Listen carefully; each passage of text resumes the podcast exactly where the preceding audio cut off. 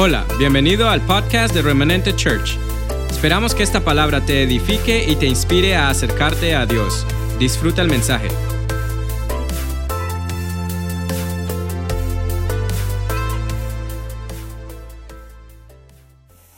Buenos días. Buenos días. Gloria a Dios. Que lo escuchen ahí en el chat. Buenos días. Ok, ok.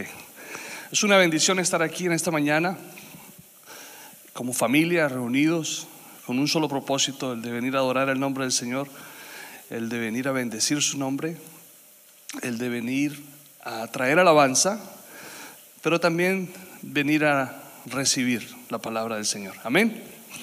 Ok. eh, la semana pasada mi esposa me regañó, tengo que contarles. Ella me regañó, ella, no sé por qué, lo tiene por deporte, pero bueno.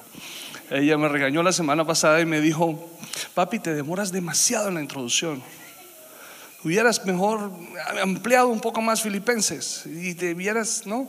Y dije, ok, mami, está bien. Y en, y en la madrugada, cuando estaba en esto, me acordé que me dijo eso, así que vamos a ir directo a la palabra. Amén. Nos vamos a la palabra porque no quiero que me regañen esta tarde. ¿Ok? No, mentiras, mentiras. Ella no me regaña. Ella quiere siempre que las cosas salgan lo mejor posible y es, es el regalo más lindo que Dios me ha dado. Amén. Hay que escucharla. Ok. Hemos escuchado en los últimos dos, tres domingos una palabra que ha traído una, ha sido consecuente la una con la otra. Pareciera que nos hubiésemos puesto de acuerdo para traer el mensaje. Y, quiero decirle algo, en ningún momento ha sido así. El mensaje que ha traído el apóstol, el mensaje que ha traído mi esposa y el que el Señor me ha dado para traer aquí en las mañanas, no los compartimos ni nos ponemos de acuerdo. Pero si nos vamos a dos domingos atrás, nos acordamos o podemos recordar juntos que el Señor nos habló de fruto que da semilla, de fruto que da semilla. ¿Por qué el Señor nos habló de fruto que da semilla? Nos habló de fruto que da semilla para poder salir del círculo de la monotonía y entrar en el ciclo ascendente de Dios, porque la semilla es la que va a dar ese fruto, porque la semilla es la que va a dar ese bosque, porque la semilla, perdón, es la que nos va a llevar a ascender en Dios. Amén. El domingo anterior hablamos, no sé qué hacer, fue el título de la prédica, y hablábamos del apóstol Pablo cuando estaba en la cárcel y le escribía, le escribía a la iglesia de, Filip, de Filipo, libro de los filipenses. Y él decía, lo que verdaderamente importa es que podamos dar frutos de justicia. Y en Gálatas 5 habla de amor, gozo, paz, bondad, benignidad, fe, mansedumbre, dominio propio, gozo. Me acordé. Ok, los nueve, los menciona. Pero ¿para qué dar frutos de justicia?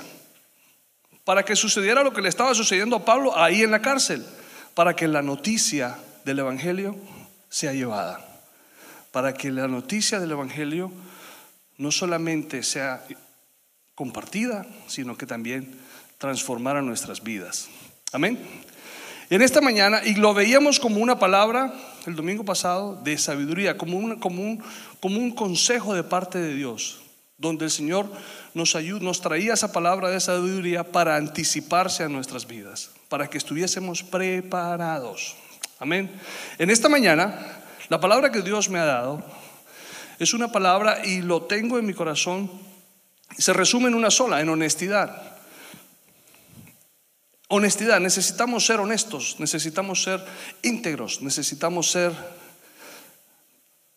como decía hermano Ariel, no podemos ser hipócritas, necesitamos ser honestos. Necesitamos ser íntegros. Necesitamos venir con toda verdad delante de Dios. Con toda verdad delante de Dios. No solamente la verdad que aprendemos, no solamente la verdad de la palabra que memorizamos, sino con la verdad que practicamos, que necesitamos dejar que obre en nosotros para poder vivirla y practicarla, la palabra de Dios. Juan 4:23 dice, pero se acerca el tiempo. De hecho, ya ha llegado el tiempo. Así comienza. Cuando los verdaderos adoradores adorarán al Padre en espíritu y en verdad. Los verdaderos adoradores adorarán al Padre en espíritu y en verdad. Esto me deja saber que los adoradores son hijos, porque dice que adorarán al Padre. Los adoradores somos nosotros. Y dice en espíritu y en verdad, en integridad, en honestidad. El Padre busca personas que lo adoren de esta manera.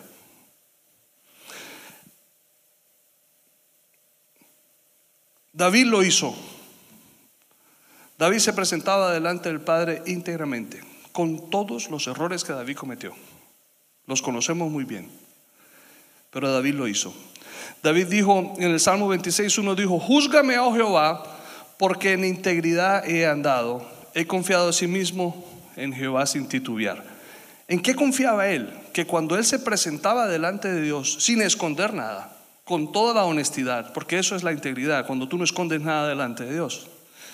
La integridad no es la perfección. La integridad no es que todo lo que tú haces es correcto y es perfecto. No, la integridad es que no te escondes delante de Dios y te muestras tal y como tú eres. Entonces él decía, sin titubear, a sí mismo he confiado en Jehová. ¿Por qué? Porque él se mostraba tal y como Dios lo había creado. Él era un libro abierto, él no escondía nada, él no se excusaba, él era honesto delante de Dios. Amén. En el libro de Génesis 3.11, 3.10 vamos a empezar. Génesis 3.10. Dice, el hombre contestó, el hombre del que habla aquí es Adán. Y contestó, cuando dice contestó es porque Dios está caminando y lo está buscando y lo llama por su nombre y él dice, te oí caminando, el hombre contestó, Adán contestó, te oí caminando por el huerto, así que me escondí. Tuve miedo porque estaba desnudo. Tuve miedo porque estaba desnudo.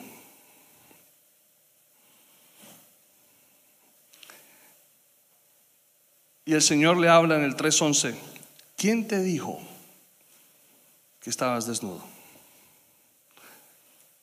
Ese es el título de la enseñanza de hoy. ¿Quién te dijo? ¿Quién te dijo que estabas desnudo?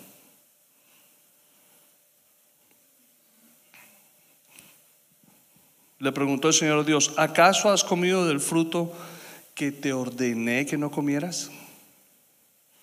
La razón por la que Adán se había escondido era porque en él había vergüenza. La vergüenza que tenía que estaba viviendo Adán se encontró con ella porque había desobedecido. En Génesis 2, a mí me enseña la Biblia, 2.25, a mí me enseña la palabra, las escrituras, que dice, ahora bien, el hombre y su esposa estaban desnudos, pero no sentían vergüenza. ¿No les parece eso curioso? Pero ya en el capítulo 3, él dice que se escondió. Cuando Dios creó al hombre, cuando Dios nos creó a nosotros, estaban desnudos, pero no había vergüenza en ellos porque no habían desobedecido. Estaban desnudos, pero no había vergüenza en ellos. Porque así los había creado Dios. ¿Ustedes se imaginan a un león con pantalón? La cosa más risible del mundo. ¿Se imaginan un perro con zapatos? ¿Mm? ¿Se imaginan un, un gallo con mascarilla? ¿Se imaginan? En fin, se imaginan, bueno, lo hay, lo digo porque lo he visto en caricaturas, un burro con gafas, o con una camisa, o con corbata. Quizás el Señor nos creó Quizás no, el Señor nos creó para que estemos desnudos. Y eso no ha cambiado. Desnudos en el mostrarnos tal y como somos. Desnudos en venir con honestidad delante de Él. Desnudos en ser completamente íntegros. Desnudos en no escondernos. Desnudos en no mentirnos. Porque caemos en, en eso. Nos mentimos. ¿Nos mentimos o creemos las mentiras? Porque para que Adán cayese, la serpiente le dijo a Eva, No, lo que pasa es que el Señor no quiere que comas de ese árbol, porque entonces tus ojos serán abiertos. Le dice, eso no va a suceder. Le mintió. Y creemos las mentiras. ¿Cuántas mentiras estamos creyendo nosotros allá afuera? Peor aún, ¿cuántas mentiras nos estamos diciendo a nosotros mismos para poder vivir una vida que es aprobada por la gente? Para poder vivir una vida de Instagram, para poder vivir una vida de Facebook. ¿Cuántas mentiras nos estamos diciendo a nosotros mismos? ¿Cuántos filtros estamos usando en las fotos que ponemos? Les quiero contar una anécdota. A la gente que está en Ribacha les quiero contar esto. Nos invitaron a, a compartir un live en Ribacha. Mi esposa le da risa y nos pidieron que mandáramos una foto porque íbamos a compartir 20 minutos, 30 minutos. Mandamos la foto de los dos y esto y lo otro. Cuando nos mandan la, la, imagen que, con la que iban a promocionar la reunión, yo vi a mi esposa y decía, esa no es mi esposa. Yo me la cambiaron. Pero cuando me miré yo ahí, ese no soy yo. Hermano, estirado, pero es una cosa bárbara. No. Y los dientes, unos dientes perfectos, blanquitos como jamás en mi vida yo los he tenido. Yo le dije, mami, por favor, Ribacha, yo llamé a la pastora y le dije, quíteme los filtros, por favor. No soy yo, no soy yo. Entonces, ¿con cuánta honestidad estamos verdaderamente nosotros viviendo nuestra vida?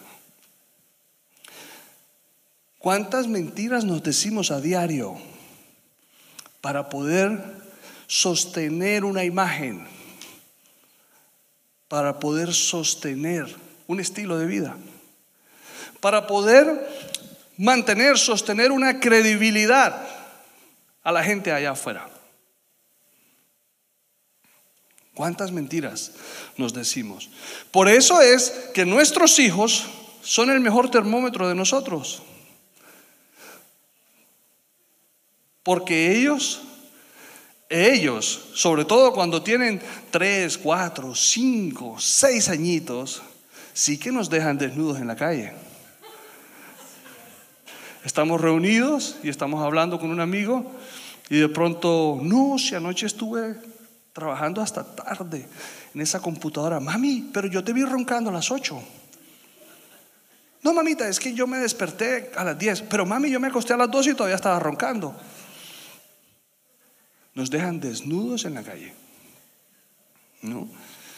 Hay una historia de una señora que llegó a conocer a Carolina cuando estaba bebé y estaba, llegó la señora a conocer. Helber estaba emocionado porque su hermanita había nacido. Él tenía cinco años. Iba a cumplir seis, cinco añitos tenía. Y estaba la bebé en la, en la cuna. Y llegó la señora a mirarla. Tú sabes, la señora y la miró y dijo, uy, qué niña tan linda. Uy, sí, está linda la niña, ¿no? Y ahí estaba, la mamá estaba Eliana ahí. Está muy linda la niña. Y entonces el niño volteó. Pero yo te escuché que tú dijiste que tenía los ojos muy grandes y que eran feos. Y que todavía se parecía, eran feos porque se parecían a los ojos del papá. Esa señora no sabía qué hacer. Yo creo que ella quería hacer un hueco ahí en la tierra y desaparecerse. Cinco añitos tenía. Cinco añitos tenía Helber. No era su intención ridiculizar a nadie. Pero en cosas tan sencillas como esa, qué tan íntegros, qué tan honestos, qué tan verdaderos, qué tan reales somos en el día a día. Vuelvo y lo digo, el reto mío y de todo predicador es poder traer la palabra, lo que muchas veces espiritualizamos, porque la palabra es algo importantísimo, es algo sagrado, es la palabra de Dios, es la verdad de Dios, es lo que transforma nuestras vidas. Dice que todo ha sido creado por la palabra, por el poder de la palabra. Dice que todo es sostenido en Jesús, la palabra misma, Jesús es la palabra. Entonces, ¿qué pasa? Cuando nosotros vemos la palabra y la miramos, nosotros la palabra de Dios y nuestro corazón y nuestra mente y es la palabra de Dios. Sí es importante, pero la palabra de Dios es lo que nos ayuda a vivir. Y la palabra de Dios tenemos que traerla aquí, a vivirla en el día a día. No espiritualizarla. No dejarla en el mundo espiritual como algo sacro, como algo... No, si Jesús se hizo hombre para caminar en medio nuestro, si Jesús se hizo hombre y se sentó en una piedra para enseñarnos de Él, de la palabra, entonces yo por qué voy a agarrar la palabra y la voy a espiritualizar y me voy a volver místico con ella cuando no es para eso. La palabra no es para eso. La palabra es para aprender a vivir el día a día, para poder afrontar lo que nosotros vivimos allá afuera, para poder ser transformados y para poder crecer, avanzar, llevar la palabra a, a la gente que lo necesita a través de lo que no solamente decimos, no solamente lo que hacemos, sino lo que vivimos cuando nadie nos ve, lo que modelamos cuando nadie nos está viendo venir a la iglesia, pararse aquí al frente, incluso estar allí, es muy fácil mostrarnos como los cristianos verdaderos. Pero ¿qué pasa cuando yo estoy saliendo de un supermercado y se me atraviesa un carro y no me deja salir? ¿O qué pasa cuando yo estoy manejando y me pitan? Porque aquí cuando te pitan te insultan. ¿Verdad? Te pitan el... ¿no? No sé, creo que... ¿Qué pasa? ¿Qué pasa cuando en una ocasión iba manejando, voy a ser honesto, iba por el carril del medio, tenía que cruzar la izquierda, aceleré y me crucé cual meteoro, así. Al lado mío iba otro carro, un señor pero me pitó horrible. Yo iba escuchando Hilson, alabanzas. Metido en alabanza. Pero se me iba, se me iba a pasar, y aceleré y crucé y me tiré hacia allá. Puse el direccional y todo, pero uno a veces cree que porque pone el direccional ya se puede meter. Qué mentira. Y me tiré de cabeza, ¡fum! allá. Cuando veo que se me viene ese señor detrás y se me parquea al lado y baja la ventana y me ha pegado una insultada ese hombre. Y yo bajé la ventana también y yo lo miraba. Y Gilson a todo volumen. Lo primero que hice fue que le bajé el volumen a Gilson para que me escuchara lo que le iba a decir. ¿No? Y me sacó todos los dedos que tenía en la mano. Y me insultó. Y yo lo miraba y a mí me temblaba la cara y a mí, como atrevido, yo sentí que me habían faltado respeto aceleré, me fui, lo dejé ahí, crucé para donde ni siquiera iba por un tal de alejarme, pero no les miento. A mí Gilson no me iba a salvar. Yo estaba por dentro que ardía. Pero en ese momento donde nadie te está viendo, en ese momento donde es a prueba el amor, el amor, ¿no? El gozo, la paz, la mansedumbre, el dominio propio para no insultar, a pesar de que te están insultando.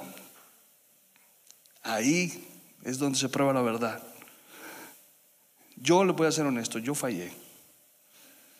No porque le dije nada a él, yo fallé porque cuando volteé dije todo lo que le iba a decir aunque él no me escuchó. Pero yo fallé. Y así nos pasa. Pero ¿qué tan honestos somos? Romanos, Romanos me dice, a mí, aquí lo tengo, me van a acompañar por favor. 1.25 dice, cambiaron la verdad acerca de Dios por una mentira. Romanos 1.25 dice, cambiaron la verdad acerca de Dios por una mentira. Y así rindieron culto y sirvieron alguna vez. No, perdón, y sirvieron a, a, las cosas que Dios creó, pero no al Creador mismo, quien es digno de eterna alabanza. Y cambiaron la verdad de Cristo por una mentira. Hay veces que nosotros nos hemos mentido a nosotros mismos, como lo decía al principio, pero lo hacemos por un instinto de supervivencia. Hay veces que llegamos a mentir tanto en la vida que nos conocen como el mentiroso. Hay veces que nos mentimos tanto a nosotros mismos y contamos nuestra historia desde nuestra niñez porque cuando nos han confrontado con la mentira, entonces contamos nuestra historia desde nuestra niñez y creemos que porque traemos y compartimos eso y porque nos entienden, entonces estamos bien. Y te quiero decir, no porque te, sea, porque te entiendan quiera decir que estés bien. Hay veces que nos encontramos luchando con la realidad de lo que estamos viviendo versus con la verdad de lo que Dios ha dicho de nosotros. ¿Por qué nos mentimos? Nos mentimos muchas veces porque a veces, eh, porque estamos cómodos en ese estilo de vida, porque caemos en una comodidad, porque es más estable mantenernos y estar en lo que conocemos que enfrentarnos a lo nuevo que Dios nos está llamando a vivir. Entonces es más fácil seguir mintiéndonos. Entonces es más fácil seguir colocando filtros. Entonces es más fácil seguir colocando historias en Instagram y en Facebook. Entonces es más fácil seguir hablando del amor y no vivir el amor. Seguir hablando del perdón y no perdonar. Seguir hablando de los milagros y de la libertad financiera y no vivir de acuerdo a los principios de la palabra en las finanzas. Porque es más cómodo quedarnos y vivir viviendo en la mentira que el enemigo nos ha traído, en vez de enfrentarnos a lo nuevo que Dios nos está llamando.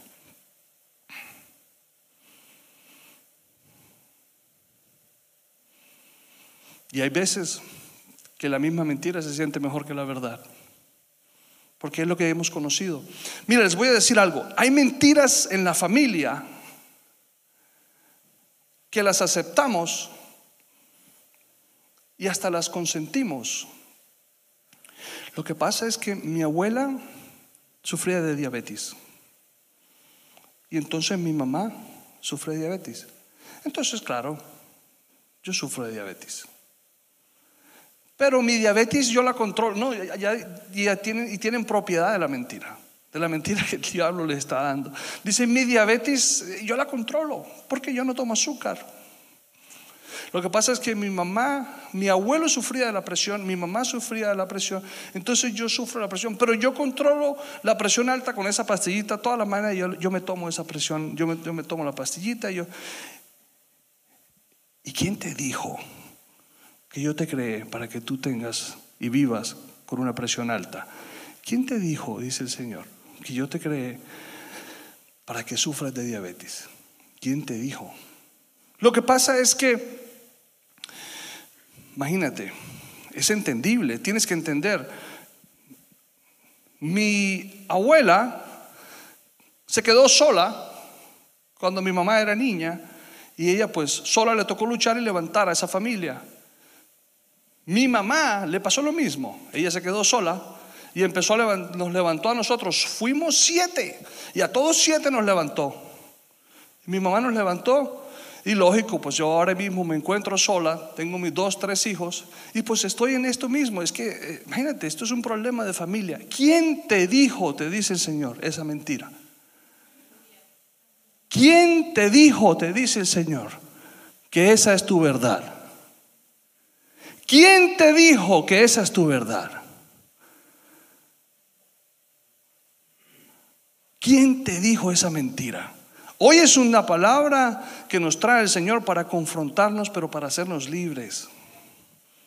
Es una palabra que trae esperanza, es una palabra que no solamente te va a animar, sino que te va a transformar en la medida en que tú aceptes que lo que estás viviendo en muchas áreas de tu vida es una mentira. Y muchas veces porque tú mismo la has alimentado. Pero en esta mañana el Señor te pregunta, ¿quién te dijo? Como le preguntó a Adán, ¿quién te dijo que tú estabas desnudo si yo te creé así? Dice la Biblia que el Señor se encontraba con Adán todas las tardes y hablaban. Todas las tardes. El Señor lo veía todas las tardes. Sea que Adán estaba acostumbrado al encuentro con el Señor en las tardes. Pero cuando cayó, cuando pecó, cuando el pecado lo expuso en vergüenza delante de Dios, esa tarde se escondió. Y entonces el Señor le dijo, ¿quién te dijo que estabas desnudo? ¿Quién te dijo esa mentira? Mujer, hombre, muchacho de Dios que estás aquí, ¿quién te dijo esa mentira? Familia que estás sintonizada en este momento, conectado por el chat, ¿quién te dijo esa mentira? ¿Quién te dijo a ti que porque no tuviste papá, que te haya dejado herencia, a ti te va a tocar ser un empleado toda la vida. ¿Quién te dijo esa mentira?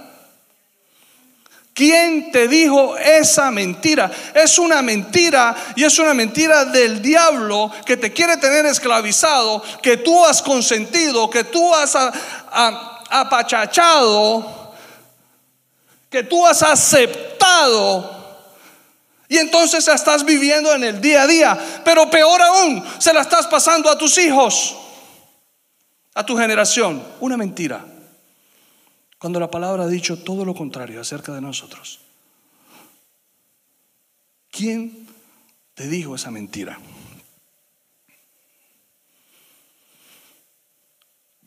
La Biblia habla en Mateo 4 de algo que vivió Jesús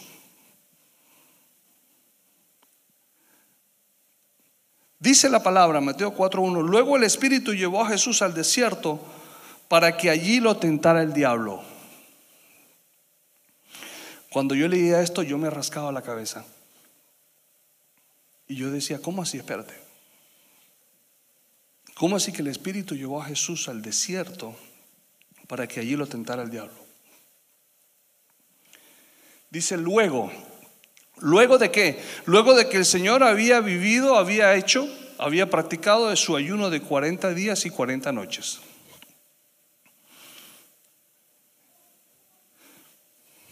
Es extraño para nosotros leer que el Espíritu llevó a Jesús al desierto. Es extraño para, para nosotros leer en la palabra, está en la palabra, esto no lo estoy inventando yo, que lo llevó al desierto para que fuese tentado allí. Si en algún momento de tu vida te han dicho que Dios no te va a llevar a afrontar situaciones difíciles, entonces para ti es la pregunta, ¿quién te dijo eso? Si en algún momento de tu vida te dijeron que Dios no te va a llevar a confrontar situaciones difíciles, porque Dios es un Dios de amor, entonces para ti es esa pregunta, ¿quién te dijo eso? Porque te han mentido. Si te han dicho en algún momento que la voluntad de Dios te va a llevar al camino en donde van a entrar la menor cantidad posible de oposición, porque en el camino de Dios tú vas a ir caminando y ahí no vas a encontrar oposición, porque es que ese es el camino de Dios. Y entonces te va a llevar el Señor en el camino en donde vas a encontrar la menor cantidad de posible cantidad de oposición posible y todo te va a salir bien. Este es el camino de Dios. ¿Quién te dijo esa mentira? ¿Quién te dijo eso? ¿O es que nosotros nos estamos diciendo esa mentira? ¿O es que eso es lo que estamos diciendo desde el púlpito y enseñando?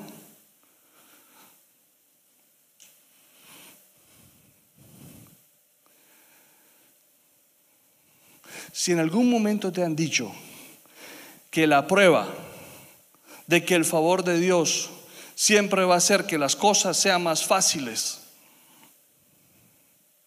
entonces para ti también cabe la pregunta, ¿quién te dijo esa mentira? Si ya te han dicho que la prueba de que el favor de Dios está sobre tu vida es que las cosas van a ser mucho más fáciles y llevaderas, entonces yo te pregunto, ¿quién te dijo esa mentira?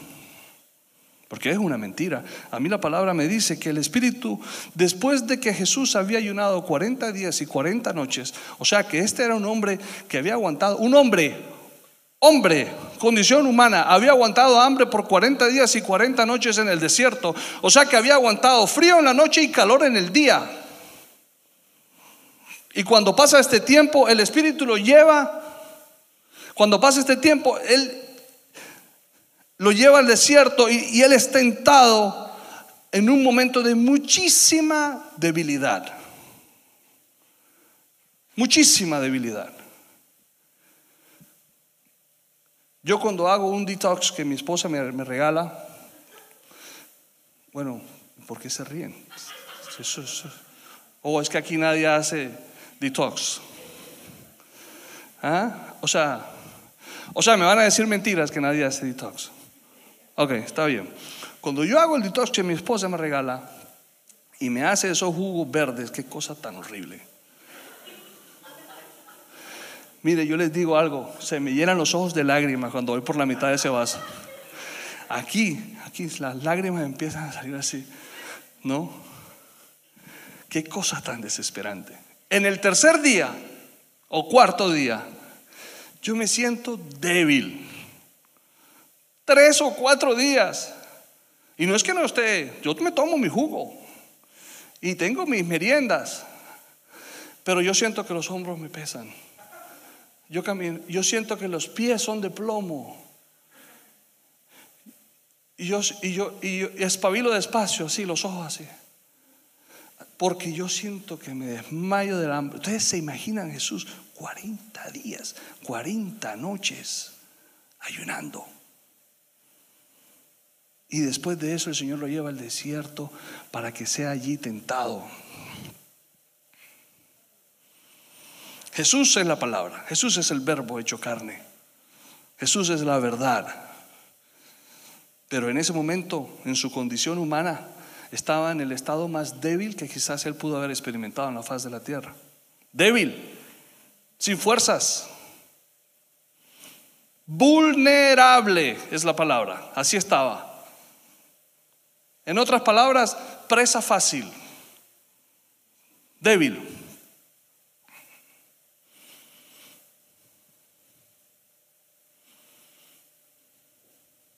Durante 40 días y 40 noches ayunó y después tuvo mucha hambre. Está en el verso 4.2, Mateo 4.2. Me sorprende me sorprende que la palabra nos enseña que Jesús no se esconde de la humanidad. O sea, Jesús no se dice mentiras. Él dice que tenía mucha hambre. la palabra aquí no nos dice que Jesús estaba más fuerte porque él había ayunado 40 días y 40 noches y era un hombre que caminaba en las nubes y que era un hombre súper, hiper espiritual porque había ayunado todo esto. Eso no me dice la palabra. A mí la palabra me dice que Jesús tuvo mucha hambre. ¿Sabe que cuando yo leía esto en la madrugada, en ese momento yo tenía hambre y decía, Señor, si yo pudiera regalarle esta galletita de soda cuando él tenía esa hambre, yo se las hubiese entregado. Él tenía, dice que tenía mucha hambre.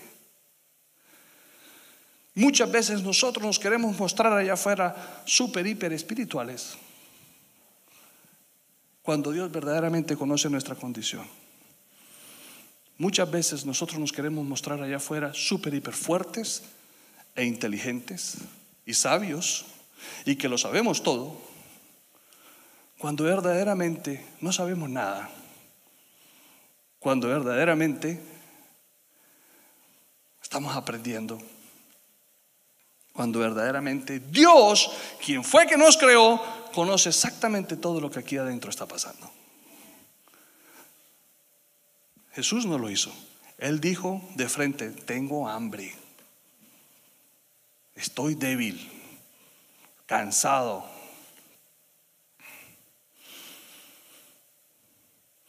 A veces nosotros queremos ser invencibles y queremos no experimentar o sufrir necesidades y nos mentimos. A veces queremos que nuestros hijos no las sufran y se nos olvida que su fortaleza, la fortaleza de Dios se manifiesta en nuestras vidas en nuestra debilidad.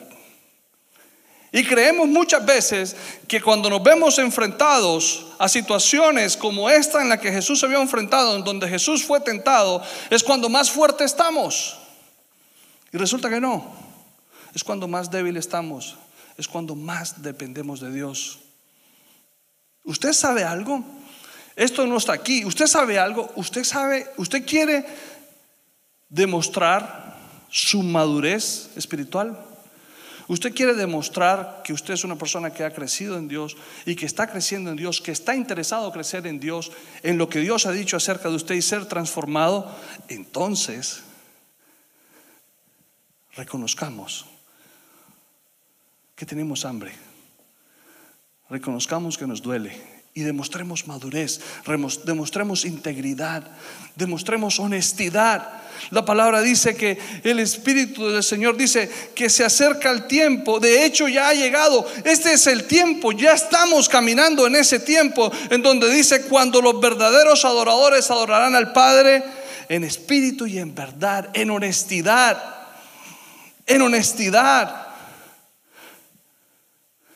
Nosotros los hijos de Dios, los que, los que la, la creación anhela, anhela ardientemente la manifestación nuestra, nosotros los hijos de Dios debemos demostrarnos honestamente, primeramente con Dios.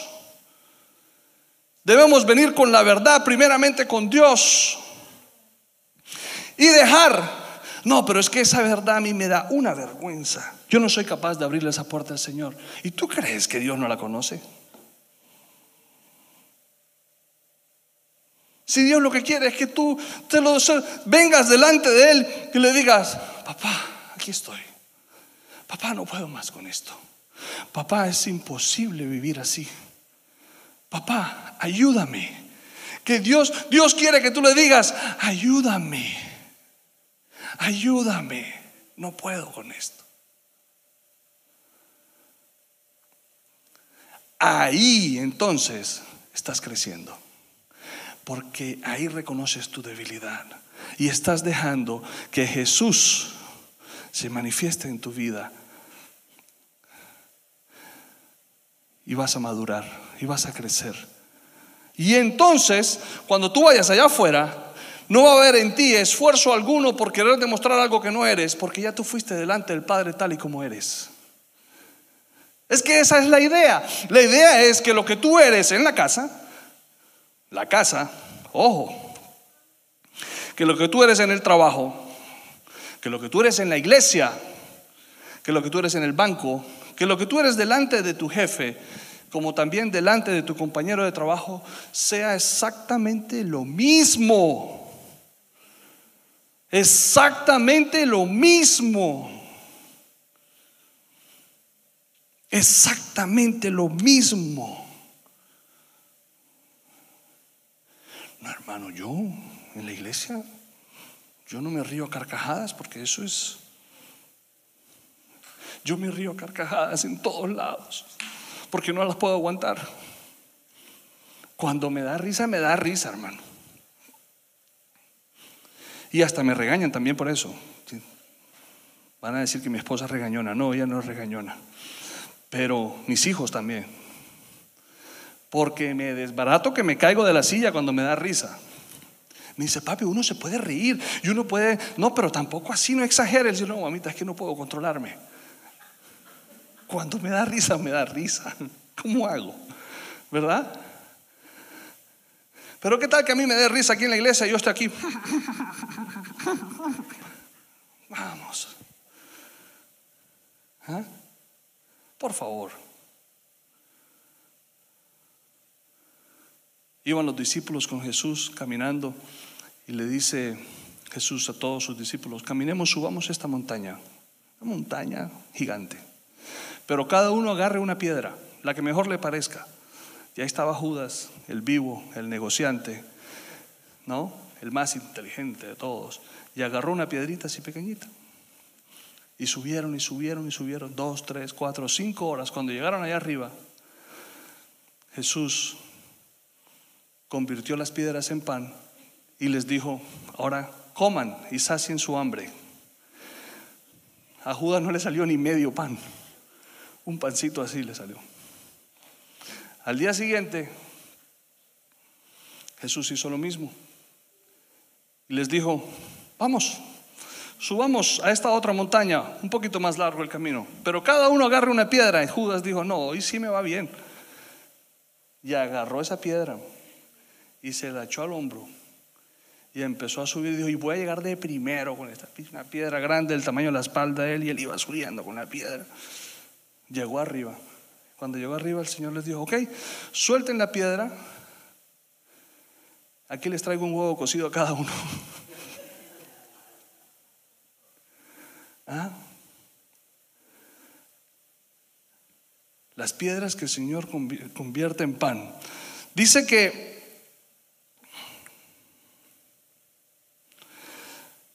en nuestra debilidad y cuando vamos delante de Dios es cuando verdaderamente nuestro carácter es forjado, porque dejamos que Él haga la obra.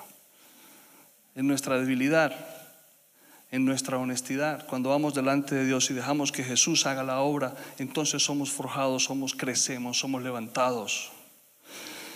Dice el versículo 3, dice, en ese tiempo el diablo se le acercó y le dijo, si eres el Hijo de Dios, di a estas piedras que se conviertan en pan. En un momento de tanta debilidad, de tanta vulnerabilidad de Jesús, y el diablo llega y le dice, convierte estas piedras en pan, cómelas, si eres el Hijo de Dios. La, clave aquí está en la pregunta que él le hace, si eres el Hijo de Dios, si eres cristiano, si eres cristiano, entonces tú debes luchar por esto. Si eres cristiano, entonces tú debes aceptar que esto que te toca a ti de vivir sin un compañero de vida es lo que Dios escogió para tu vida. Tienes que... ¿Quién te dijo esa mentira? Pero te quieren falsear el fundamento de la identidad. Ahí es donde el enemigo quiere robarnos el propósito, el plan, el proyecto que Dios tiene para nosotros. Hay ocasiones en donde nos vamos a encontrar débiles y confrontados con una realidad que va a querer poner en duda nuestra identidad, nuestra verdad. Te quiero decir algo, eres hijo de Dios. Te quiero decir algo que estás ahí en cámara, que, estás ahí conectado en Facebook. Eres una persona justa. Hermano, ¿usted cómo sabe eso? Si usted no me conoce, no pero recibiste a Jesús en tu vida. Y la sangre del Cordero te ha limpiado y te ha perdonado. Y la sangre del Cordero te presenta justo. Calificado. No tienes que demostrarle nada a nadie. Eres un hombre, una mujer, eres un joven, eres una jovencita justo. Es una mentira que que te vengan a decir, si verdaderamente me amas, dame la prueba del amor.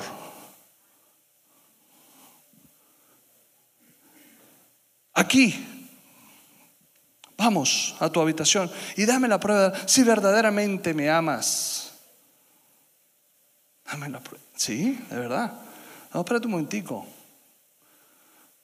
Yo soy una joven justa delante del Señor, porque la sangre del cordero me limpió de pecado, porque el Señor me ha apartado y me ha separado para Él, porque el Señor tiene planes conmigo y porque te amo, porque te amo, no te voy a dar ninguna prueba, no voy a hacer lo que me estás pidiendo que haga, porque te amo, te voy a pedir que por favor te vayas y voy a orar por ti porque te amo.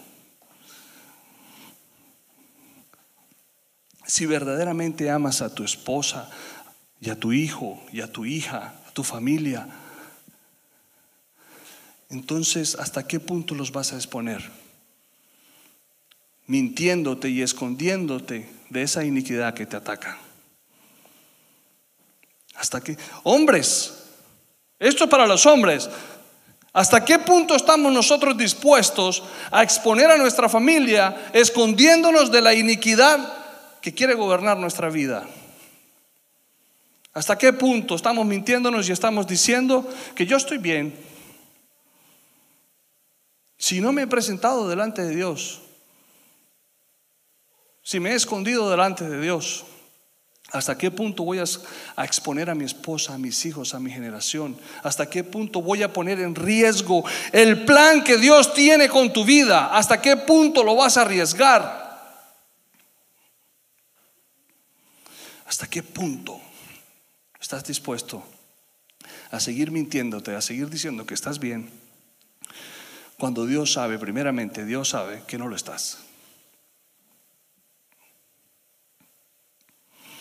Hay personas que están en relaciones que están viviendo relaciones en este momento. Yo no sé esto quién lo necesita, pero esto me lo dio el Señor. Y hay personas que están en una relación con otras personas, lógicamente, y quieren y tienen y quieren cambiar a esa persona y tienen, tienen esa necesidad y tienen esa carga de cambiar a esa persona porque es que esa es la persona y Dios me ha puesto a luchar por esta persona y entonces yo voy a hacer todo lo posible por esta persona y empiezan a querer cambiar las piedras en panes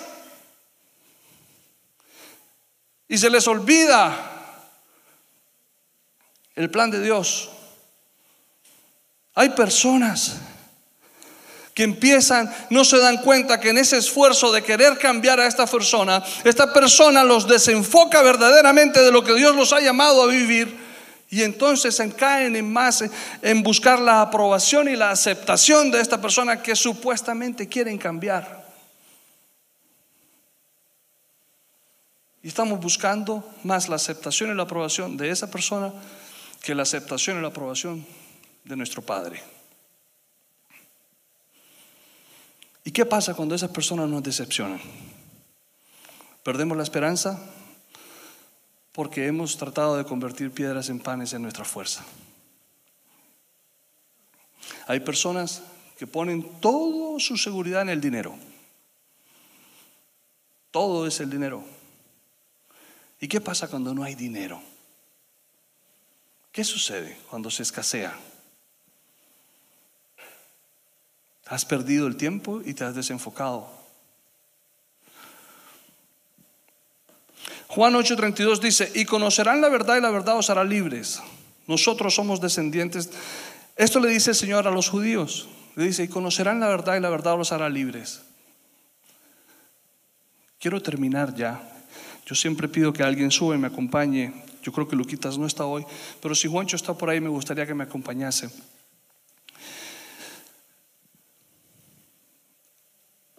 Cuando Jesús le dice esto a los judíos, le habla de sí mismo y le dice, Jesús lo que está hablando es de él y de la verdad, de la palabra liberadora, y dice, y conocerán la verdad y la verdad os hará libres.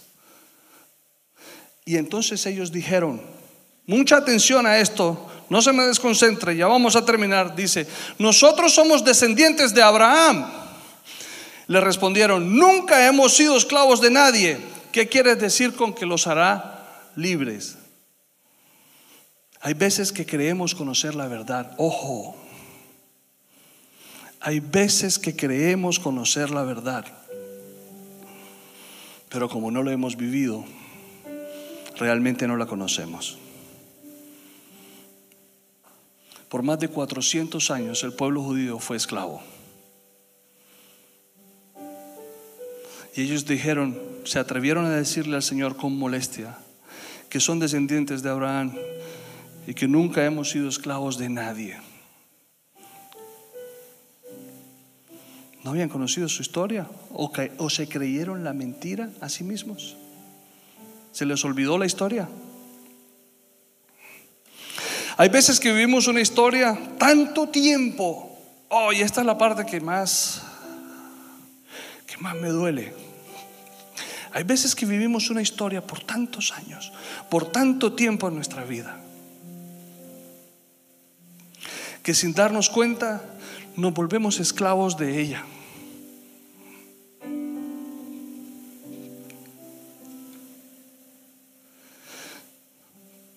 ¿Te has, vuelto, esclavo o esclava de tu propia historia?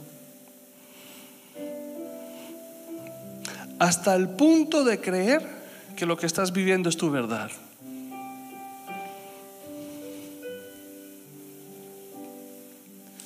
Esto no tiene que ver con cristianos recién convertidos. Esto no tiene que ver con cristianos de muchos años. Esto tiene que ver con todas las personas sobre la faz de la tierra. Todas. Todas. Desde el apóstol hasta el que viene por primera vez a la iglesia. Todos somos seres humanos que hemos luchado con historias en nuestras vidas que son mentiras del enemigo y que por muchos años hemos llegado a creer que ya son verdad. Pero hoy el Señor te quiere hacer libre de eso.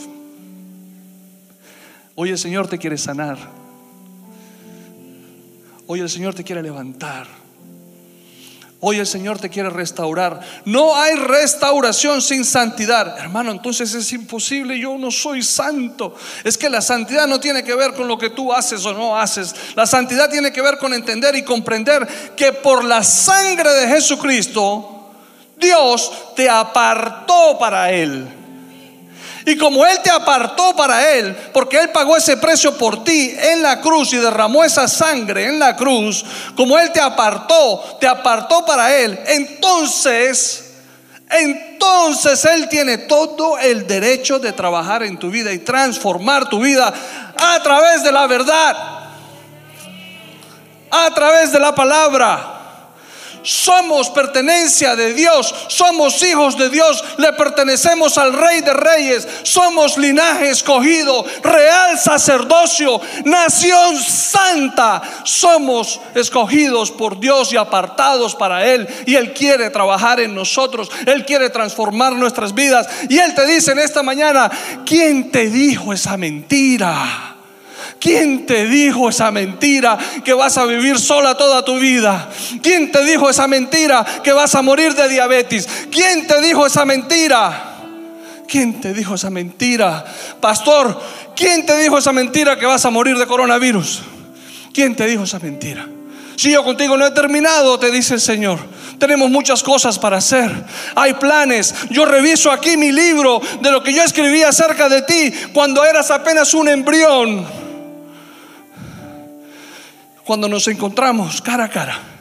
Y tú como embrión viste mis ojos y yo escribí una historia acerca de ti y yo reviso esa historia y esa historia no dice lo que tú estás viviendo. Hoy en esta mañana Dios te quiere traer a que vivas su verdad. Dios te quiere hacer libre de toda mentira que tú mismo te has dicho, de toda mentira que te dijo tu mamá, de toda mentira que te dijo tu papá, de toda mentira que te dijo la sociedad, de toda mentira que te dice el Instagram. De toda mentira, Dios te quiere hacer libre, Dios te quiere correr el velo, Dios te quiere sanar, Dios te quiere levantar porque somos apartados, porque somos santos, porque somos real sacerdocio, porque Él nos compró con su sangre. Si pudiéramos entender esto, con su sangre, con su sangre, Él derramó esa sangre, Él derramó esa sangre y te dijo, Jenny, tú eres mía. Yo derramé esa sangre por ti. Lucas, tú eres mío. Débora, tú eres mía. Adriel, tú eres mío. Esa sangre yo la derramé por ti. Yo la derramé por ti, Ronald, tú eres mío. Juancho, tú eres mío, son míos, son míos, son míos, son míos, dice el Señor, son míos, son míos, son míos, son míos y yo peleo por ti y yo te doy la victoria y yo cambio tu historia con la verdad. Estamos atrapados entre la verdad de lo que Dios dijo y la realidad del mundo allá afuera, pero no más, no más Dios te quiere hacer libre. Son míos, te dice el Señor, yo te he apartado y yo te quiero sanar. Y yo te quiero levantar. yo te quiero bendecir. Es una mentira. ¿Quién te dijo que tú naciste para ser pobre? ¿Quién te dijo esa mentira? Si a mí me dicen las escrituras, la verdad me dice que desde que el Señor nos escogió como nación, su promesa es bendecirnos en todas las áreas. En todas, no se escapa ni una. En todas las áreas. Que gocemos de bienes que gocemos de salud, que gocemos de paz.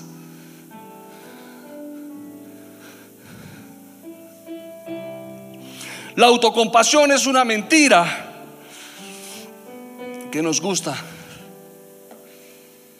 Oh, man. Cuando usted esté experimentando autocompasión, quiero que sepa esto. Cuando usted esté experimentando autocompasión, quiero que sepa esto. Te estás diciendo mentiras. Porque Dios no te creó para que tengas autocompasión. Dios te creó para que seas un vencedor. Dios te creó para que tú rescates y ayudes a muchos, no para que tengas lástima de ti mismo. Cuando estés viviendo autocompasión, te estás diciendo mentiras. Estás creyendo la mentira al diablo. Porque Dios no te creó para eso.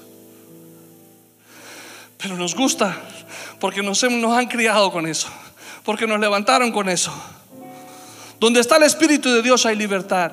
Y en esta mañana aquí hay libertad. En esta mañana, ahí en tu casa, ahí hay libertad. Ahí en tu carro, en la sala, en la cocina ahí donde tú estás, si tú abres tu corazón, como lo hablábamos el domingo pasado, vas a experimentar la libertad. Si tú desnudas tu corazón y vienes a charlar con Dios, y vienes a hablar con Dios.